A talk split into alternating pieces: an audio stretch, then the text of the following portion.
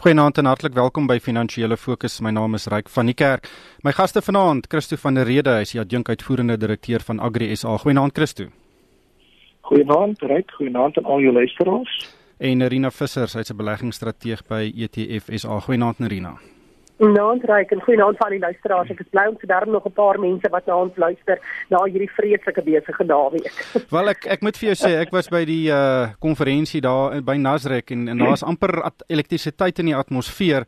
Um en uh maar ek het nou vanmiddag toe ek nou vanmiddag voorberei vir die program toe kyk ek na die rand en ek sien toe nee wat hy het nie veel beweeg nie net so oor die R13 en 10 sent in wragtig hierdie laaste 2 ure voor die program verstewig hy na 12.80 toe en is nie net in die um teen die dollar nie hy's ook R17 en 4 sent in die pond en R15 amper R15 dood in die euro. Ehm um, ja. Narina, weet dis duidelik dat dit nie 'n internasionale tendens is nie. Dink jy dit is die konferensie wat hierdie verstewiging uh, ver veroorsaak het? Want ek dink wat duidelik is is dat dit 'n randstorie is of 'n Suid-Afrikaanse storie of dit kan nie regtig Suid-Afrikaanse ehm um, beleggers of handelaars wees wat dit doen want ons markte is natuurlik nog nie oop nie, maar hierdie tipe van beweging beteken ons is nou besig om in die Japaneese markte reeds in die geldeenheid te verhandel. En die feit dat dit dat die rand sterk is teen die dollar, die pond en die euro soos jy sê, beteken dat dit 'n uh, 'n refleksie is van 'n sterker rand, nie 'n swakker ehm um, kruiseenheid nie.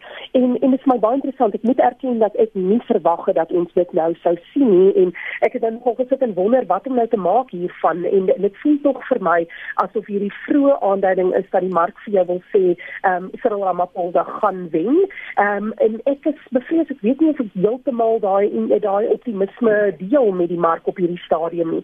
As die mark regtig dink dat ons ons dan aan Dlamini Zuma gaan wen en die rand is wel so sterk, wel dan dink ek gaan ek moet teruggaan na my na my boeke toe en weer moet gaan probeer kyk en mm. ver, verstaan wat hoe hoekom kry ons die rand op so sterk vlak op hierdie stadium as die mark wel verwag dat uh, dat sy sal wen en nie en nie vir Ramaphosa nie.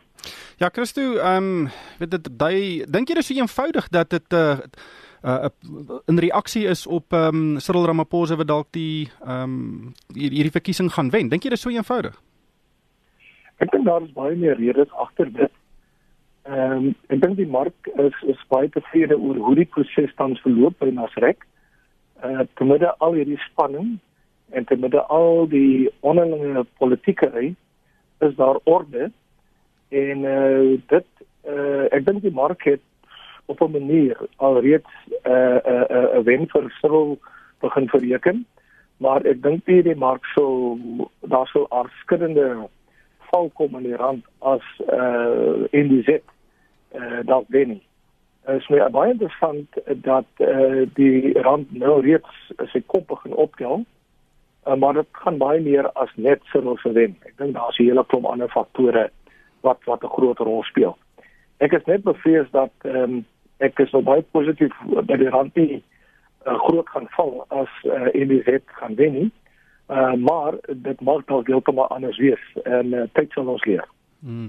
Nerina, ehm um, die Economist, uh, natuurlik die groot internasionale tydskrif het hierdie week sy voorbladstorie was Suid-Afrika en veral die fokus op hierdie presidentsverkiesing en dit was 'n verskriklike negatiewe berig um, oor Suid-Afrika mm. en wat tans hier gebeur en basies die slotsom van daardie artikel was as Cyril nie wen nie, dan is hier regtig baie groot moeilikheid. Ja, maar ek moet met Christo ook saam sien dat ek dink nie dit is heeltemal so eenvoudig nie. Ek dink die onmiddellike um, onmiddellike reaksie wat ons oor die volgende paar dae gaan sien, gaan grootendeels um oor reaksie wees op grond van vooropgestelde idees wat mense het oor wat die implikasies is van 'n spesifieke persoon of dan nou 'n spesifieke groep van mense wat verkies word deur die ANC. Maar ons weet dat daar nou nog baie baie beweging hier buite aan die gang is. Jy weet, beide in terme van ek meen Zuma bly nog steeds die president van die land. Ons het hierdie aankondiging gehad oor gratis hoër onderwys. Ons weet dat daar 'n begrotingsrede op ons wag in Februarie volgende jaar waar daar nog groot um, skuiwe gemaak moet word in terme van waar geld vandaan gaan kom, um, veranderinge dalk in die belastingkoerse, um, die moontlike verdere afgradering deur Moody's dalk so. Jy weet hierdie is uit die aard van die saak 'n geweldige belangrike verkiesing, maar dit is definitief nie die enigste faktor op hierdie stadium nie.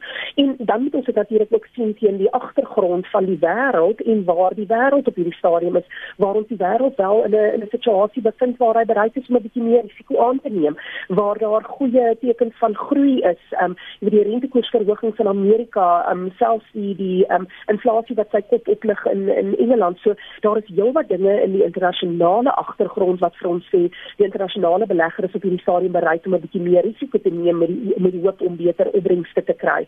En en wanneer jy dan nou hierdie um situasie in Suid-Afrika kry wat dalk beter is uh, op hierdie stadium as wat mense verwag het, dan kan jy hierdie tipe van baie positiewe bewegings nie net in die rand sien nie, maar ook um, dalk môre ook in ons staatsefekte. Dit sou interessant wees om te sien hoe die mark dit interpreteer. Christo ek sien op News24 uh het uh, het hulle het 'n bietjie gekyk na beroepswedders wat sê as jy R100 op Cyril sit dan sal jy R175 terugkry as hy wen en as jy op Lamini Zuma 'n R100 sit en sy wen dan gaan jy R320 terugkry. Omtrent dubbel daarvan soos uh, dit lyk of die beroepswedders ook in in Cyril se hoek is. Maar ek wil vinnig net ehm um, daar was ook verskeie vergaderings tussen die leierskap van die ANC en weet uh, privaat sektor maatskappye. Um, die hulle is lede van die sogenaamde progressive sake, die progressiewe sake forum. Dis natuurlik die ANC se klub waaraan private sektor maatskappye kan behoort en dan kan hulle nou toegang tot senior uh weet uh, regeringsamptenare, maar die boodskap wat vir my daar uitgekom het was baie baie meer positief. Um uh, tussen die ANC en die private sektor was weet mense baie keer as wat mense baie keer hoor tussen regeringsamptenare en die private sektor. Um weet terme soos ons moet saamwerk, saam vorentoe gaan. Uh ja. is dit 'n ander so storie as jy daar by 'n party se konferensie saamtrek of as jy dan in, normale omstandighede met die regering moet werk? Dit is baie interessant as ek nou veral vanmôre geluister na die minister van handel en nywer Rob Davies en jy hoor baie die die Cyril Ramaphosa temas deurkom in die gesprekke wat hulle gehad het met die met die met die met die sakelei. Minder politieke retoriek. Uh, Rob Davies het veral vandag gefokus op wat bedoel hulle by uh radikale ekonomiese transformasie en dis maar die goed wat wat vir hom ook in sy uh, ontleding van die term en sy uh, aspirasies uh, veral in terme van ekonomiese groei op die tafel neergesit het so 'n tydjie gelede. Uh binne daai konteks kan jy ook verwag dat uh baie van hierdie ehm uh, senior uh, politiek uh, politieke amptenare van die ANC sal baie meer pragmatiese, baie meer realistiese uh toon uh het in terme van dit wat hulle op die tafel sit en hulle sou nie enige uh jy weet uh radikale stellings uitlatings maak nie.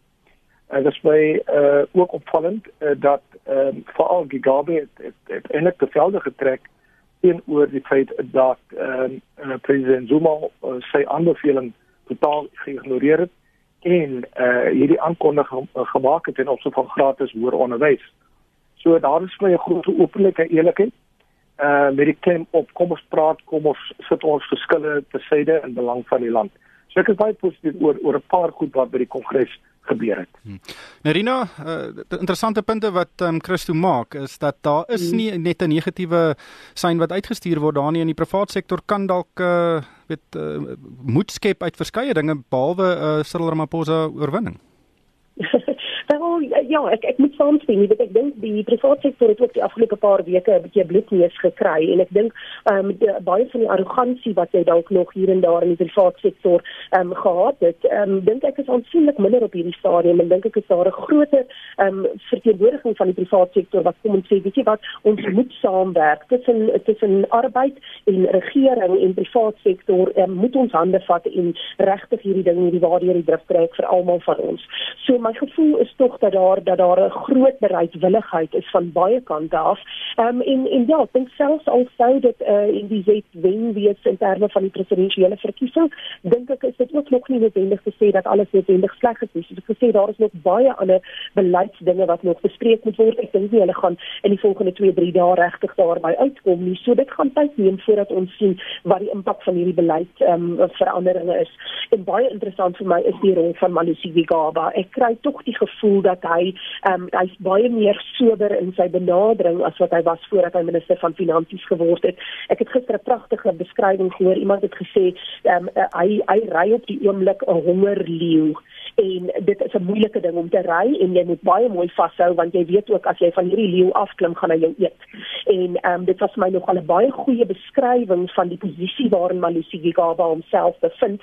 Ehm um, en ek dink hy kom dalk agter dat dat hierdie is glad nie so 'n eenvoudige ding nie, maar ek dink hy het die private sektor aan sy kant en solank so wat hierdie nog onafhanklik wel kan kan wees en die reservebank nog onafhanklik kan staan en hulle nog steeds die ondersteuning van beide die ehm um, die regstelsel sowel as van ehm um, sogenaamde civil society dink ek tog kan Malusi Gigaba 'n baie goeie ehm um, vriend in die kamp van die private sektor wees en ek dink hier is geleenthede wat moontlik geskep gaan word wat ons met beide hande moet aangryp om werklik die beste vir die land te doen en en en persoonlike belange eintlik 'n bietjie op sy te skuif.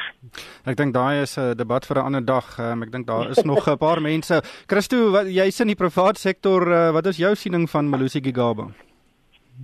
Ek dink Malusi het baie van die geleer ryk dat uh, geld uh, groei nie aan bome nie. Uh, ek het net hierdie afgelope week geluister na Randall Corollis en Dr. Randall Corollis en hy is die uh, een van die senior navorsers en ook um, in beheer van belastinginvordering by SAS. En kyk, hulle deel hierdie inligting met Malusi. As jy gaan kyk na na na wat gebeur in terme van belastinginvordering, uh, daar's maar 340 groot plaaslike maatskappye wat verantwoordelik is vir 56,8% van belasting. En dit is nou 'n ander van die 2015 syfers uh, elkeen van daai 340 maatskappye het 'n belas het 'n belasbare omset van 200 miljoen en hoër. Uh en uh, dit is die garansie wat die goue eiers lê aan die einde van die dag. Uh jy weet uit die 3.7 miljoen maatskappye wat by SARS geregistreer is, verteenwoordig hulle maar so wat 0,2%. Hmm. Uh en en ek dink Malusi het baie gou kennis geneem dat uh, ons ons ons uh, ekonomie uh, jy weet uh, sit uh, sit ernstige probleme en dat hulle so vinnig as moontlik as regering sterk bande uh, moet vorm met hierdie maatskappye en ook moet seker maak dat 'n besigheidsomgewing geskep word waarin alle maatskappye kan gedei want die regering is afhanklik van maatskappybelasting. Uh, ons wat werk vir maatskappye is ook aan die einde van die dag afhanklik vir werk by hierdie maatskappye. Ons sien dat werkloosheid is besig om deur die dak te klim. Uh so uh uh die regering kan maar hierdie kant en daai kant toe uh mens hoop dat as hulle aan bewind kom dat die onmiddellik die eerste fokus sal wees hoe skep ek 'n besigheidsvriendelike omgewing waar mense bereid sal wees om te investeer, waar mense bereid sal wees om terselfdertyd ook werk te help skep sodat ons hierdie land uit sy finansiële verknorsing kan red. Hmm. Ja, ek dink ook uh, een van die probleme is die regering trek nie almal in een rigting saam nie. Daar's 'n verwagting dat die hmm. tesourier al die probleme moet oplos en dan kan die res van die regering maar weet aangaan en doen wat hulle wil. En ek dink as Ramaphosa president word, dan kan hy dalk daai die hele regering in in dieselfde rigting laat trek wat natuurlik kritiek is. Maar Narina, kom ons gesels oor die ander groot nuusontwikkeling van die week en dis natuurlik Stein of uh, nou ek dink almal het na die president se toespraak geluister gister uh, waar hy verwys het na privaat sektor korrupsie. Ek dink almal het onmiddellik gedink aan Steinhoff. Ehm um, nou hierdie week het daar nou nie so baie uh, weet vuurwerke plaasgevind nie. Ehm um, Christo Wiese het as die voorsitter bedank en die ouditeurs en groep uh, Irba gaan 'n ondersoek doen na die rol van Deloitte natuurlik ehm um, Steinhoff se ouditeurs ehm um, en die aandeleprys was maar 'n bietjie wisselvallig. Ehm um, en ons het ook gelees van die kleurryke lewe van Marcus Jooste buite die raadsaal. Uh hoe interpreteer jy hoe weet ons daar verloor? Christo? Christo? Nerina? Ek dink uh, ons het hom ongelukkig verloor. Ons gaan gou probeer om hulle terug te kry op die lyn net om die laaste gesprek te hê oor Steinhoff. Steinhoff het natuurlik uh die afgelope paar weke vir die verkeerde redes die nuus uh, hoogtepunte gemaak en uh daar is uh, groot kommer oor die uh, leierskap tans daar en of en om te uit te vind presies hoe groot die uh die die jakkalsies daar in hulle finansiële state is en uh hopelik kan ons met die ondersoeke van uh Irba en van ander instellings soos PricewaterhouseCoopers weer agter agter die kap van die byl kom. Christo, uh is jy terug? Ja, ek is terug. Christo Steinhoff, hoe interpreteer jy wat op die oomblik daar aangaan en uh dink jy ons kan klarigheid in die nabye toekoms sien? Ek is baie dankbaar dat die groot banke uh wie ook blootstelling het aan uh uh jy weet aan Steinhoff soos die Citigroup, Goldman Sachs, HSBC en uh, Nomura dat hulle almal uh, toegetree tot tot tot uh, die Steinhoff debacle. Uh ons sien ook dat hulle geweldige druk geplaas het op die direktief van Steinhoff. Uh Christo Wiese het intussen bedank en ook sy seun en ek dink hulle gaan baie groter beheer nou begin uitoefen. Uh ek is so baie bly dat die uh, departement handel en nywerheid, uh, Cipro, uh, PwC, die JSE, FSB, die Duitse owerhede en Skulpa wat almal begin druk uitoefen op op om agter die kap van die byl te kom. Uh mense is eintlik diep diep teleeggestel oor wat daar gebeur het want uh, jy weet ons het net skiet goed gegee vir die uh, Gupta kamp en die Zuma kamp uh, en ons hoop dat ons so gou as moontlik uh jy weet agter die kap van die byl kan kom uit vind presies wat daar gebeur het. Nerina die tyd jaag ons uh, haal ons in. Ek wil net vinnig gesels ja. oor die um, Eskom tariefverhogings. Dit het amper so stilstil uh, is dit uh, aangekondig hierdie week en Nersa het 'n verhoging van 5,2% um, toegestaan. Dis nadat Eskom uh, 19.9% gevra het wat 'n geweldige groot verhoging sou wees. Um, ja. nou, wat is jou indruk van daai 5,2%? Um, ek, ek sou ek sou graag nul wou gehad het, maar 5,2 is mens gaan nou nie gegee werd in die bek kyk nie. So nee, ek is baie dankbaar dat dit dat dit maar um, omtrent 'n kwart was van die verhoging waarvoor hulle gevra het. En ek dink tog nadat ons in die afgelope 2-3 weke um, dit die die Eskom verhoor in die in die parlement gesien het, dink ek sou dit besonder moeilik gewees het om te regverdig dat hulle vir Eskom die verhoging gee um, waarvoor hulle vra. Ek dink Nesa se se boodskap ook daaraan Eskom is om te sê, weet jy wat, kry jou eie boeke in in orde, maak skoon daar by die huis voordat jy weer bakkant voor ons kom staan en vra vir 'n uh, vir 'n aanpassing wat hoër is as inflasie. Wat dit wel gaan beteken is dat dit definitief groter druk op Eskom gaan plaas. Ehm um, en uh, ongelukkig dink ek nie met die met die huidige bestuur soos wat dit is, is ek glad nie oortuig daarvan dat hulle dat wat hulle met hierdie druk gaan doen noodwendig 'n goeie gevolg sal hê nie. Met ander woorde, hulle gaan nie dan nou skielik nou van kernkrag afstand doen of ehm um, afstand doen dalk van onnodige verdere uitgawes wat hulle aangaan nie um, en byvoorbeeld wel werk maak van die van die volhoubare energie um, ooreenkomste met die private sektor. Dis eintlik die soort van reaksie wat mens graag sal wil sien, maar ek is nie nie vol hoop dat dit is waar hulle hierdie druk sal sal absorbeer nie. So, ehm um, dit gaan natuurlik verdere druk op die fiskus plaas sowel as op die ehm um, op, op die tesorie in terme van die die skuldlas van Eskom waarvoor hulle pa staan. Ehm um, so dit is nou maar 'n baie groter faktor wat nou ehm um, gaan inweeg in terme van die begrotingsrede in Februarie en dan natuurlik hoe die kredietgraderingsmaatskappye ehm um, die die die nuwe situasie met Eskom sal oorweeg. Ja, die druk kan dalk net skuif van die belasting van die elektrisiteitsbetalers na die belastingbetaler toe. Ehm um, maar Christo ehm um, Henk van Langehoven, hy's natuurlik die hoof-ekonoom van die Kamer van Mynwese het 'n baie interessante reaksie uh uitgestuur op hierdie elektrisiteitsverhoging. Hy sê die elektrisiteitspryse hierdie afgelope 8 jaar met 300% gestyg. En dit is die koste item in daai sektor wat die vinnigste styg. Nou jy's in die landbousektor, ek neem aan dis ook die geval daar. Ehm um, en hy sê meer as 70 000 werkers het hulle werk verloor die afgelope 4 jaar grootliks vanweë stygende koste en dis grootliks vanweë elektrisiteitskoste. sien jy dieselfde in die landboubedryf? Baie beslis. Ehm um, ons sien dit ook veral in die Weskaap. En uh, Weskaap waar eh uh, droogte al met die droogte wat hierdie kos het 'n geweldige impak het op die volhoubaarheid van uh, die landbousektor. 'n uh, Ander groot probleem is die feit dat daar groot regemente dit was gemaak word in munisipaliteite wat nie hulle elektrisiteitsrekenings betaal nie. En uh, dan jy weet sit baie van ons groot uh, proseseringsmaatskappye met 'n hele dilemma. Uh, van die feit dat hulle is aangewese op daai elektrisiteitsvoer en nou word hulle gestraf vir iets uh, jy weet wat hulle nie aanskuldig is nie. Uh, ons sit hier met 'n groot groot tydbom en ek hoop nie dat hierdie uh jy weet ehm uh, hierdie 5% uh, verhoging dat dit verdere groter probleme gaan meebring nie. Uh al wat ek kan sê is die boere is uiters dankbaar dat daar nie uh groot verhogings toegestaan is al eers kom nie want uh, dit bring dan verligting mee as die as die uh elektrisiteitsverhoging uh laag is. Ons weet net nie wat gaan gebeur as die munisipaliteite uh, bo op daardie 5% nog hulle deeltjie gaan bysit nie en dit skep uh, weer verdere onsekerheid binne die landbousektor. Hmm. Ongelukkig hierdie tyd ons ingehaal uh, Henk Langehoven het ook 'n belangrike punt gemaak dat uh, daar die hele elektrisiteitsverskaffingsketting uh, of die bedryf gedireguleer moet word sodat uh, boere en ondernemings en myne weet elektrisiteit van enige verskaffer kan koop sodat ons 'n bietjie prysmededinging daar kan sien. Maar ongelukkig het die tyd ons ingehaal. Baie dankie aan Christo van der Rede. Hy is die adjunk uitvoerende direkteur van Agri SA en Rina Visser, sy is 'n beleggingsstrateeg by ETF SA. En van my ryk van die kerk, dankie vir die saamluister en ek hoop almal het 'n winsgewende week.